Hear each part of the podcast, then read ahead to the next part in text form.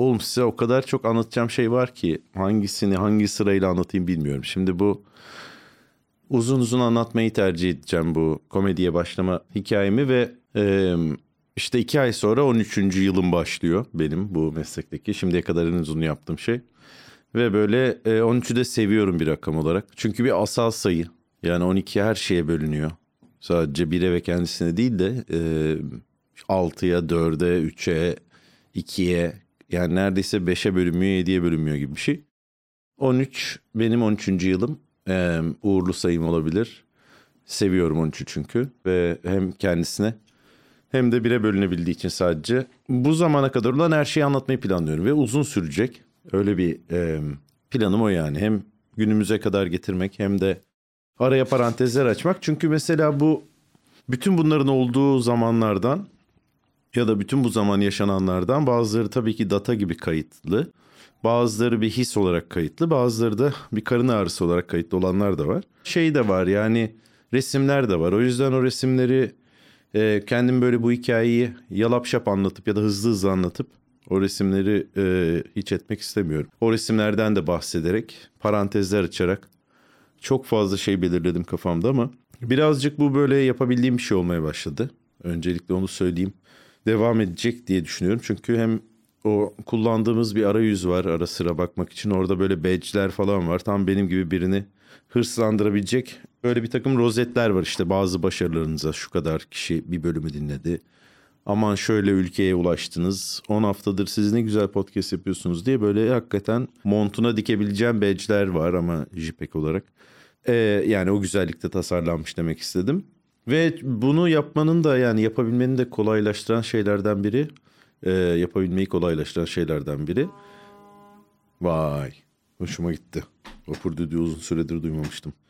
Şu aslında kime konuştuğumla ya da kimlere konuştuğum ya da neye konuştuğumla ilgili bir hissim olmaya başladı ve o yüzden de e, konuşabilmeye başladım. İlk önce sanki böyle tek başına konuşmak gibiydi. Sonra öyle hissettirmemeye başladı. Çünkü işte dinliyorsunuz ve bir ne bileyim işte uyurken dinleyenler var. Uyumadan, uyandıktan sonra ilk dinleyenler var. Onlar uyurken dinlemek, e, dinleyenlere göre kendilerini daha iyi hisseden insanlar bir şekilde. Ya da bunu daha bir gururla söylüyorlar. Anladığım yani bu geri dönüşlerden. Bir de böyle birazcık e, birazcık daha fazla tanınıyorum bir şekilde. E, ya da önceden hissedebilmeye başladım. İnsanlar bana çok iş olmuyorlar. Belki bu podcast'in saldığı bir şey daha böyle bir e, komedyenlik tanınması gibi değil yani sonuç olarak. Özellikle kulağımda kulaklık var ve yürürken tek başıma sevdiğim bir şey. Genelde öyle yürüyor olduğumda düşünüyor oluyorum ve yazıyor oluyorum yani genelde beni tek başına kulağımda kulak yürüyorken görüyorsanız yüksek ihtimalle çalışıyorum diyebilirim. O yüzden bu da işte geçen sefer terasta yapmak gibi bir şans. İşimi yürürken güzel bir havada ya da yağmurlu bir havada yapabiliyorum. O zaman düşünüyorum böyle şeyleri ve o gördüğüm resimleri e, üzerine de düşünebiliyorum. O freak show ya da o kuru yemiş seçkisi üzerine. Son zamanlarda fena değildi çünkü. Mesela iki tane paladin gördüm. Biri yaşlı paladin, biri genç paladindi. Ee, ve koca burunlu köpekli adam da seçkisi ilginçti. Tercihi. Dolayısıyla freak show'umuz da fena çalışmıyordu. Ama bu ufacık tanınmam artık böyle bir e, birisinin dönüp bana bakması ve e, ne bileyim mesela ismi duymadan birinin dudağında okuyabiliyorum. Öyle bir yeni bir şey oldu benim için. Bunun kattığı şey de e, eskiden o ışık sızan bir işte yani benim kamera obskuramdan diyelim. Oradan o delikten sızan ışığı anlatırken birilerinin dönüp kameraya bakması demek oluyor ya da o ışığı kesmesi demek oluyor. Değişik bir trip. Ama çok iş olmuyor neyse ki kimse. O yüzden de böyle bir e, bunların hepsi bana bir birazcık daha konuşurken beni rahatlatan bir şey oldu. Bana bir fikir verdi. Bunu yaparken nasıl hissedebileceğimle alakalı. Hmm, bunun e, şuraya bağlayacaktım aslında bu o kadar virajlı bir şey hazırladım ki kafamda. Ve böyle evde dönerken bir tur e, dedim ki bunu kesin unutacaksın Deniz. E, o yüzden bir daha kafamın içinde hatırlamaya çalıştım. Hatırlarken bir yerde unuttum, yoldan çıktım, sonra geri döndüm ve bugünkü eğlencem ya da bu e, challenge'ım öyle diyelim. Aslında o virajları dönmek ve kafama sonra anlatırken, anlatacakken buraya geldiğimde de bir sürü şey geldi aklıma. İyice böyle hangi birini nereye sokayım'a bağladım. Ama vaktimiz var, benim zamanım var en azından. Sadece bugün de değil.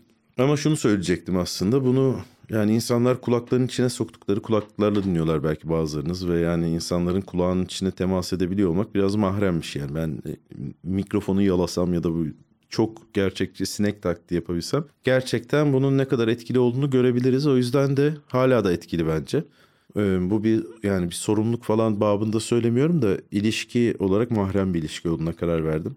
Zaten öyleydi belki daha da. Ee, bu uzun şeyi de o yüzden anlatabilirim diye düşündüm. Geriye dönerek bazı referansları açarak, bazı resimleri açarak gibi. Ee, bunu bir arabacı perspektifine anlatmak zorundayım. Çünkü ben e, her şeyden önce bir arabacıyım yani. En küçükken ilk ilgi duyduğum şey işte ne bileyim sürekli araba çizerdim. Bir noktada araba tasarımcısı olmayı istiyordum. Öyle bir kariyerde çizebilirdim kendime ya da ne bileyim rahmetlisinin abili modifiye işine girebilirdim falan. Dolayısıyla hmm, anlattığım şeylerde çok arabacı terimleri olduğuna karar verdim. Mesela viraj onlardan biri.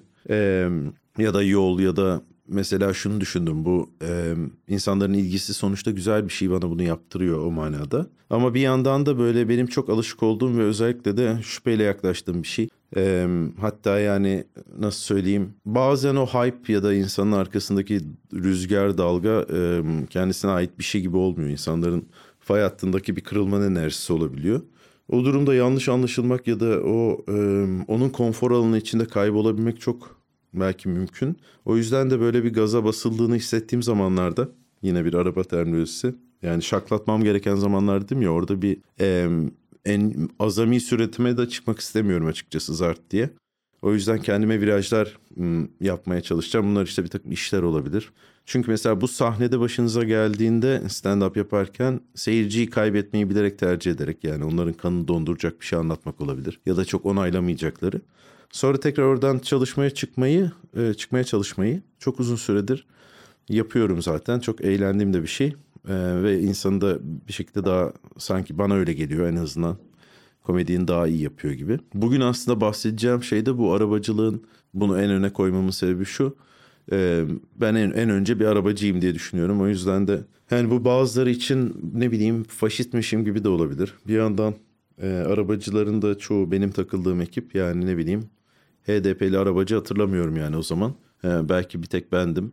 E, ben de o yüzden bolca sessiz kalıp gözlem yapabiliyordum. E, ve çok da komik insanlar vardı. Çok güzel bir lisan konuşuyorlardı. Benim sevdiğim renkli Türkçe. Hmm, ondan sonra o yani benim ilk ışık girmesi hmm, kamera obskuraya neyse onu bilmiyorsanız bu arada çok güzel bir şey. Ee, evinize falan yapmanız da mümkün bir evin bir duvarını güzel ışık alan bir yerdeyse önden birileri geçiyorsa falan havalı bir şey olabilir. Bakın bilmeyenler baksın. Ben eve yapmak istiyorum yani bir eve bir yerde. O tip hayaller kurdum geçenlerde. Ee, ama yani şey hmm, onunla başlıyor sonuçta. O yüzden burada da hikayede de mesela 131'in e, büyük bir rolü varmış gibi gözüküyor. Ama 131'in tek başına bir rolü olabilmesi için benim o kadar ona kopabilecek kadar arabacı olmam, o arabayı çözebilecek kadar arabacı olmam gerektiği için bunların hiçbiri olmasaydı ben yine belki bu e, o çatlağı açardım yani o ışığı sokardım ama nasıl olurdu bilmiyorum. Başka bir şekilde olabilirdi. E, bu arabanın hikayesini anlatayım dediğim günden bir takım resimler var kafamda. Biri şu bir şekilde İstanbul eskiden yağmurlu bir yerdi ya şimdi değil.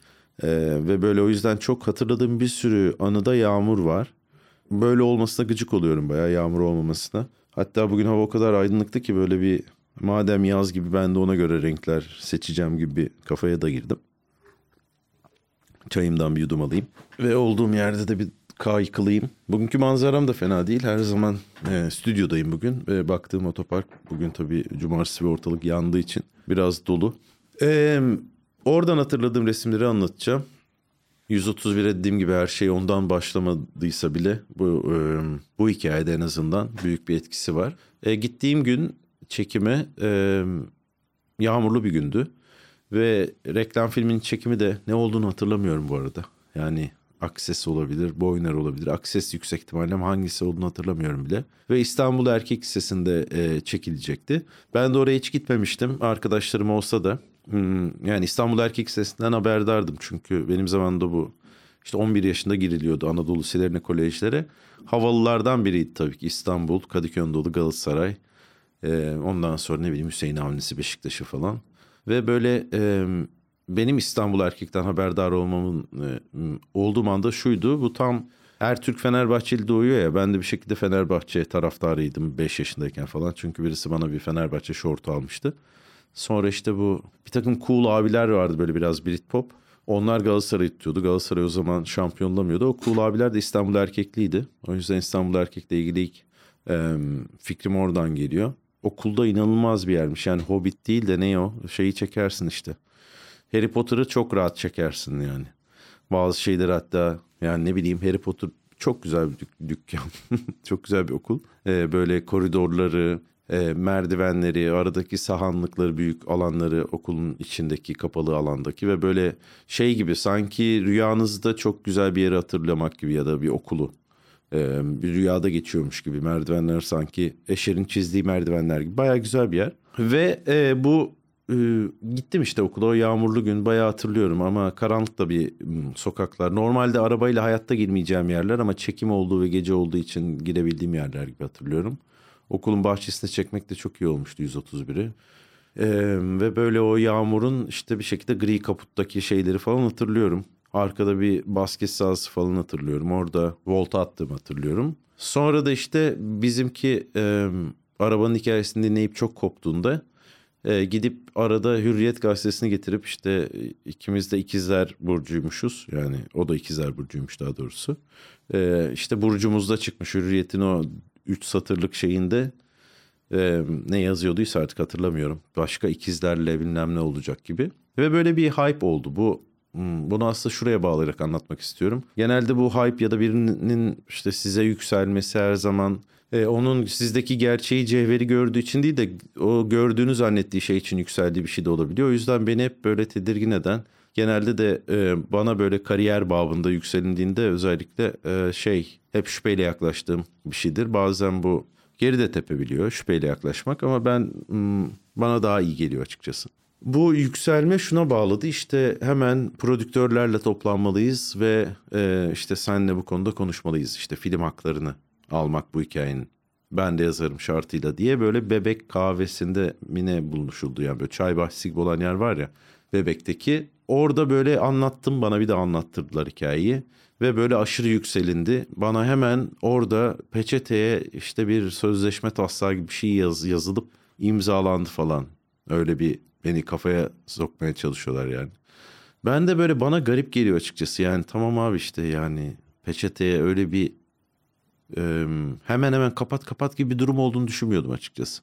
Hem daha da yazmadığımız için ve yüksek ihtimalle onların koptuğu şey farklı bir şey olacağında. Ve bu anlaşıldı, yükselindi. Ben de böyle bir yandan tabii ne kadar kanmasan da buna işte böyle Allah Allah olduğu iş tamam o da çekiyor şaklatacağız gibi düşündüren bir şeydi. Sonra bana dediler ki işte e, bir para da kazanabileceğimi düşünüyorum. Git prodüktörle konuş. Parayı konuş. Tabii parayı konu hani o yükselen ve kahvede birlikte peçete imza attığımız insanların hiçbiri yoktu. Ben kendim dımdızlak gittim. Prodüktör de prodüktör yani böyle işte Fatih Akın'ın falan prodüktörü. Hatta yani bu bütün bu şeyin en bana yarayan kısmı işte Soul Kitchen diye Fatih Akın'ın filmi var ya onu Türkiye'de de e, çekmek istiyorlardı işte hmm, Türk bir yönetmenle.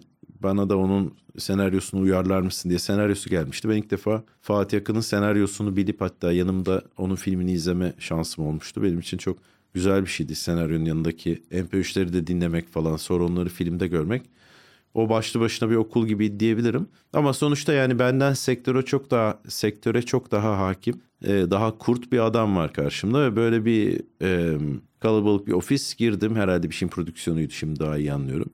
E, başlangıcıydı sanat ekibinin işte kıyafetler falan bir hengame. Beni arkadaki adam kendi odasına aldı. Kendi odasında şöyle bir masa var arkasında onun koltuğu var. Sen de böyle kendin bir tane sıra var ona oturuyorsun ama sıra hem koltuktan alçakta adamın adamdan alçaktasın yani hem de masaya uzanamıyorsun. Yani ya böyle götünü azıcık kaldırıp böyle bir domalıyormuş gibi masaya uzanman lazım ya kalkıp alman lazım. Böyle psikolojik olarak insanı bir sıfır geride başlatmaya yönelik bir şey. Ben de bu tip şeylere çok bakarım. Yani bu tip şeyleri kullanmışlığım da vardır. Ne bileyim mesela e, üniversitede e, yetenek sınavının dışında mülakat da yapıyorlardı ve ben e, mülakatı yapan insanlara göre kendimce bir strateji belirlemiştim. Şeye getirmeyi planlıyordum lafı işte. Bizimkiler öğretmen, biz çok yer gezdik. Hani ben İstanbul veledi değilim. Sadece bir sürü yer gördük. Şöyledir böyledir gibi şeklimi yapacağım. Ve bunu yapabilmek için de böyle şey diye düşünmüştüm. Ee, önüme bir masa almayayım. Yani bütün beni görebilecekleri bir uzaklıkta oturayım. Oturacağım sandalyede. Hani böyle bir meydan okuma gibi olsun.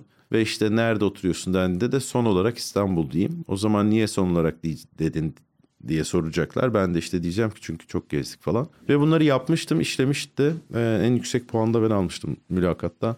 O yüzden de böyle şeylere kafa yorduğum bir zaman da vardı. Ufuk'la böyle kendimizce psikolojiye çok meraklı olduğumuz bir zaman. Bu böyle ucuz taktik gibi gelen şeyi görünce bana kesinlikle de öyle olduğunu düşünüyorum açıkçası. Şey hmm, yani bir dekorasyon tercihi olmadığına eminim.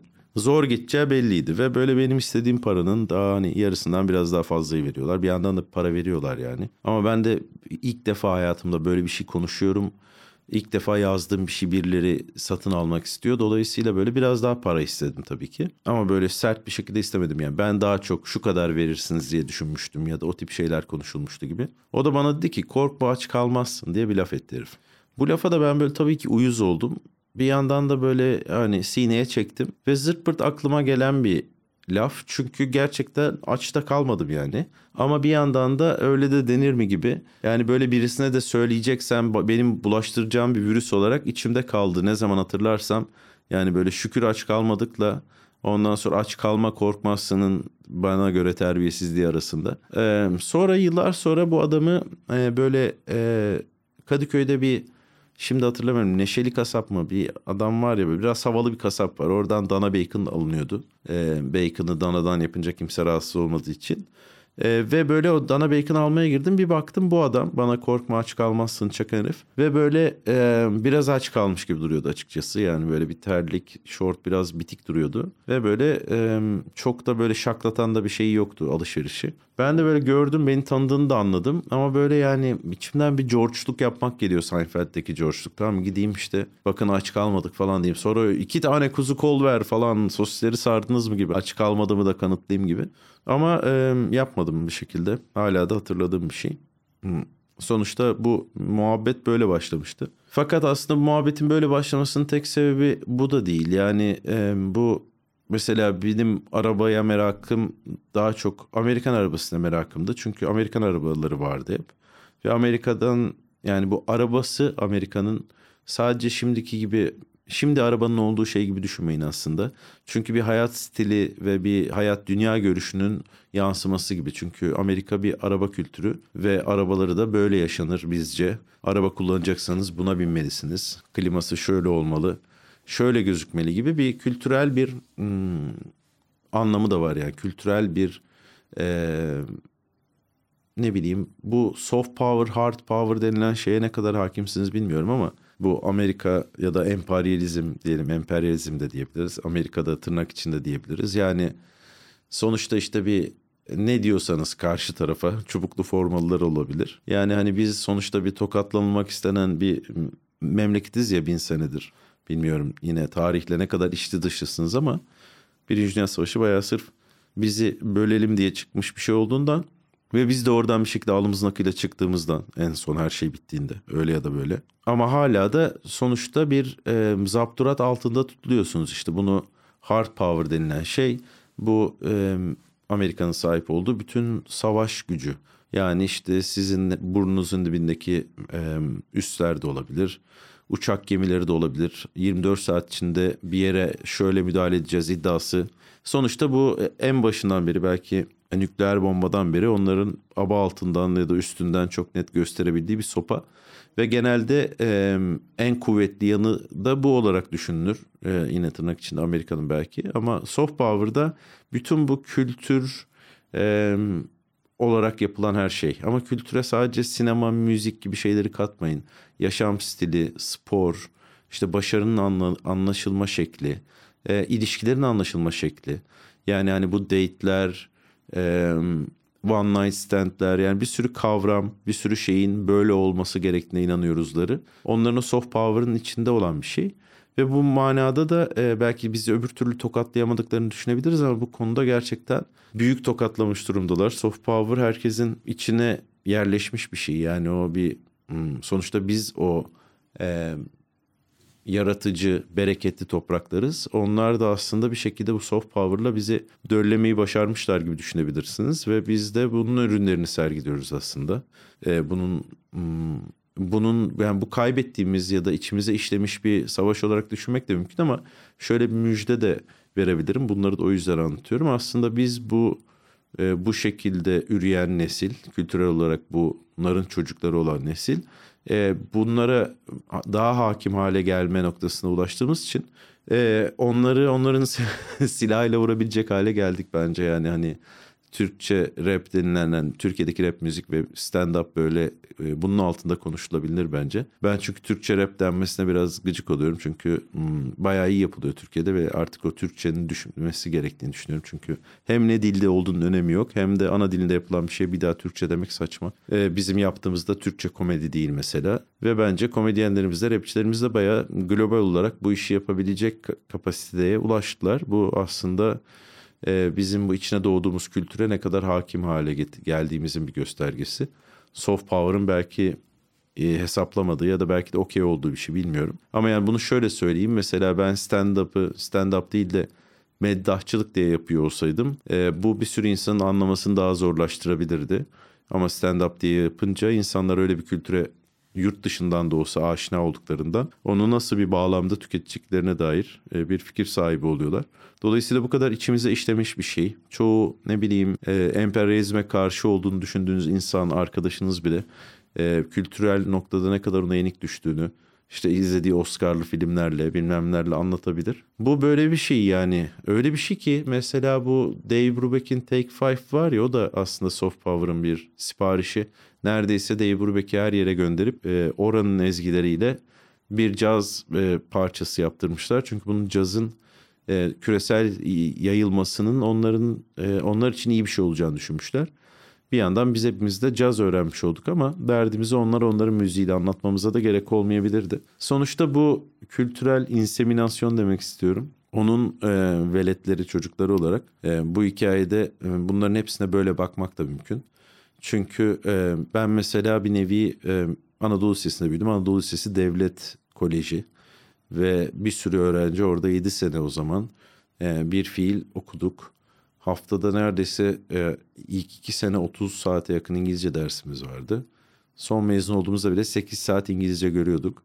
Dolayısıyla e, belki hani İmam Hatip liseleri gibi o zaman da devletin böyle adam yetiştirelim dediği tipler bizlerdik yani. Ve bu e, Amerikan kültürüne de özellikle duyarlı olmak üzere yetiştirildik gibi bir şey. Dolayısıyla bu önümüze geldiğinde hiç yadırgamadık. Bizim hoşumuza giden ya da artık bildiğimiz formatlar bunlardı. İlk başta kablo TV'de NBC olması mesela. E, ilk mesela bu şeyle tanıştığımda Mavi Ay. E, o zaman galiba Karabük Apartmanı'ndaydık. Ortaokuldayım. Azıcık İngilizce biliyorum artık. Ve Mavi Ay'ı e, orijinal lisanıyla da TRT FM'de yayınlayacaklar. Yani sesi oradan gelecek. Kulaklığı takınca onu nasıl senkronunu becerdiklerini bilmiyorum. Ama becerdiler gerçekten. Ve e, ben ilk Mavi Ay'ı kulaklığı takıp TRT FM'den o dudak hareketlerinin üzerine ilk e, gerçek kelimeler oturduğunda İngilizce onları söyleyenlerin ağzından aklım gitmişti. Çok iyi hatırlıyorum. Çok hoşuma gitmişti. Sonra e, kablo TV'de galiba NBC vardı. NBC'de işte ne bileyim e, bütün abileri, Jay Leno'ları, e, Late Show'u sunan işte Conan O'Brien'ı. Daha sonra CNBC'de işte bu Jimmy Fallon en başından beri böyle bir hakim olduğum, tükettiğim, çoğumuzun da tükettiği, bazılarımızın altyazıyla bazılarının bizzat anlayarak tükettiği bir şeydi. Dolayısıyla buna hassas hale e, hem bile isteye e, hem de bizzat getirildik diye düşünüyorum. Bu da işte soft power kısmına giriyor. Benim bir nevi stand-up yani yaptığım şey stand-up olarak yapmamın da sebeplerinden biri olabilir soft power. Ee, bu böyle ağlanacak bir şey değil ama bunun bir şeyi olarak var kesinlikle. Yani şöyle mesela şu kadar etkilendim söyleyebilirim. Böyle insanın tek başına gerizekalıca yaptığı şeyler var ya. Bunlardan biri mesela ben işte Oscar konuşmam. Oscar'a bu arada yani ne gidesim var ne nasıl gideyim ne de yani şey yapmıyorum desteklemiyorum. Oscar'dan çok haz eden bir insan değilim ama üç tane falan ayrı zamanda güncellediğim bir konuşmam var yani. Şu anda da hazır bir konuşmam var. Ee, Jimmy Fallon'a kendi kafamda çok defa konuk oldum. Bu ben çok salakça bir şey ama. Ve böyle bir her defasında da farklı şeyler söyledim. Geçen gün çünkü Aronofsky'yi gördüm. İlk defa katılıyormuş talk show'a. Çok heyecanlıydı ve Jimmy ona yardım etti. Dur ben senin yerine anlatayım filmi diye. Ben Aronofsky'den daha rahat konuşurum diye düşündüm. E, Roots'a selam çakıyorum falan. Roots ya bunun grubu. Tonight Show'un. Çünkü Roots'u da bir şekilde böyle en eskiden beri plakları milakları da var. Çok seviyordum. O yüzden de Roots Tonight Show'un e, grubu olunca böyle bizim çocuklar gibi yani oturduğum Türkiye'den İstanbul'da Amerika'daki Philadelphia'da Roots'a bizim çocuklar gibi hissedebiliyordum. Çıkınca bunları söylemekten plaklardan falandan yani bayağı kafamda kurguladım böyle bir yaşayış. Bunu şimdi nereye bağlayacaktım? Bir yere bağlamayacak mıydım? Burada mı kesilecekti acaba? Yani bu arada daha dediğim gibi anlatacağım çok şey var. Çayımdan bir yudum daha alayım. Konuşmayı anlatabilirim ne diyeceğimi. Ya da 131 ile gelen kısmını anlatabilirim. Sonuçta şuraya bağlanacak bu en azından bugünkü kısım. E, bütün bunların etkisiyle e, hatta sadece bunların değil o arabayı 131'i birileri çaldı çünkü bir noktada. Sonra ben de onun peşine düştüm ve o hikaye öyleydi ya. E, sonuçta benim arabacılığım yüzünden de peşine düştüğüm bir hikaye. E, ve önemli bir hikaye açıkçası. Sonra ben 131'i satmak mecburiyetinde kaldım. Yani film olmadı. Film olunca bir tane daha yapılır o da bana ekstra araba olur falan diye düşünüyordum. Ya da dönör araba olur diye öyle bir kavram var ya daha önce anlatmıştım. Olmadı ve bir süre e, bakmaya çalıştım. İlk başta çünkü e, böyle rally takım vardı. Yani Hyundai rally takımının da çalışan bir arkadaşım vardı. Onların Kadosan'daki yerine gidip e, yapıyorduk arabayı. Üzerinde de bir kilit vardı, diferansiyel kilidi. Kilide göt deniyor şeyde, arabacılarda. O yüzden kısa bir götü olunca da onun oranı yüksek oluyor. 4.11, 4.33 falan oluyor. Üzerindekini hatırlamıyorum ismini. Ee, ne Marco Campagnolo değil de rahmetli Salih abi hediye etmiş. Çok güzel bir kilitli diferansiyel. Toprak diferansiyeliydi aslında. Götü de çok kısa değildi. 3.93 falandı galiba. O yağmurlu günde de İstanbul hmm, erkek sesine giderken onunla biraz yanladığımı hatırlıyorum. Ee, o kilit onun tutunmasına yol açıyor. Bende bir dünya parçası vardı arabanın. Ee, hem bazıları yedek motoru vardı işte Blue, işte bir takım piston, gömlek, kol, bir tane daha beş ileri şanzıman. Onlar hepsi balkonda duruyordu. Bazı parçaları da bulamıyordum. Ve arabayı isteyen o zaman benden daha önce de isteyen bizim Sübap e, lakaplı arkadaşımız. E, ben artık öyle bir noktaya geldim ki bu komedyenlik falan uğraşıyorum. E, arabacılık çok lüks bir şey gibi artık. Her yere bisikletle gidiliyor. Böyle bir hmm, ideolojik olarak da arkasında duramıyorum falan. Aslında hiç satmayı düşündüğüm bir araba değildi ama kınalı kuzuyu kesmeye karar verdim. E, ve satmaya karar verdim. O yüzden Sübap'ı aradım. Sübap tabii ki çok mutlu oldu. Yani çok yüksek olmasa da arabayı aldığımdan çok daha yüksek bir paraya. Ama yani anlaşabileceğimiz paraya. Sübap'a verdim. Şu ortaya çıktı. Tabii bende olmayan parçalar ya da bende olan parçaların iki katı kadar parça da onda varmış. Arabayı almasa da arabayı alacağı gün için o bütün parçaları toplamış. Dolayısıyla bu arabacılıkta bazen o sahip olduğunuz şeye gerekli önemi e, veremiyorsanız, onu yaşatacak şartları sağlayamıyorsanız onu sağlayan birine vermek daha ilkeli bir yaklaşımdır. Arabanın hayatı devam etsin diye. Ya benimsini ya toprağın yapmamak. Ee, bir tane daha adam vardı böyle arabanın çıtalarını bir türlü satmayan. Ee, ona da gitmesini istiyordum açıkçası. O da bir e, bu araba eline geçerse diye biriktirenlerden biriydi. Sübab'ın evine gidip o parçaları görünce çok rahatlamıştım. Arabayla gittik Etiler'e. Ondan sonra o zaman oğlu ilkokuldaydı galiba. Ee, bütün her şeyi yaptık. Ben bendeki parçaları da arabanın arkasına yüklemiştim. Onunla evin altındaki deposuna her şeyi koyduk. Sonra e, beni metroya bırakacaklardı. Oğlu ön koltuğa bindi, babası sol koltuğa. Bir tane yarış koltuğu vardı solunda. E, ben öbür koltuğu da çıkarıp kenara koymuştum ama güzel bir yarış koltuğu yanlayınca uçmayayım diye. Süvap ona anca sığdı ve böyle arabada gidiyoruz. Ben de arka koltuktayım. E, bir ışık, trafik ışıklarından geçmek üzereyiz. Bizimkisi böyle ikiye çekti. Gazladı güzel Weber'lerden bir rup sesi geldi. Ve biz böyle sarıyla kırmızı arası bir renkte geçtik. Oğul da babasına Sivop'a baba yaptı. Sarıda geçtim dedi o da. Ve böyle o an böyle onların muhabbeti o araba sanki ben o anda arabadan inmiş gibiydim yani. Arabanın arka koltuğunda oturmama rağmen onlar uzaklaşırken el salladığım ana gelmiştim. Bir süre sonra beni indirdiler. Arkalarından baktım. Artık benim hayatıma ait değil bir şey gibi gözüküyordu 131. Ee, uzaklaşırken de izledim. Çok da iyi baktı bu arada. Tam orijinal arka direkteki imzasından e, tavandaki ufak kanada Jantlarına falanına filanına yani efsane yaptı arabayı. O yüzden doğru bir seçim yaptığıma inanıyorum. Ben de değilse de e, ona bakabilecek ve doğru düzgün bakabilecek birine gittiği için. 131'in hikayesi yani en azından bendeki kısmı burada bitiyor. O önceki kısmı daha uzun. E, ama e, şu anda şuradayız aslında. Ben o filmi çekemedim ve evde e, ne yapayım diye bulmaya çalışıyorum. Yine bir George anı ve yine bir telefon ve yine bir banka. Tabii ki açmayacağım. Ama burası sanki kesilmek için geçen sefer terasta zart diye gelinmişti. Ee, iyi bir an olabilir. Unutmazsanız ben unutmayacağım. Bir sonrakinde görüşürüz.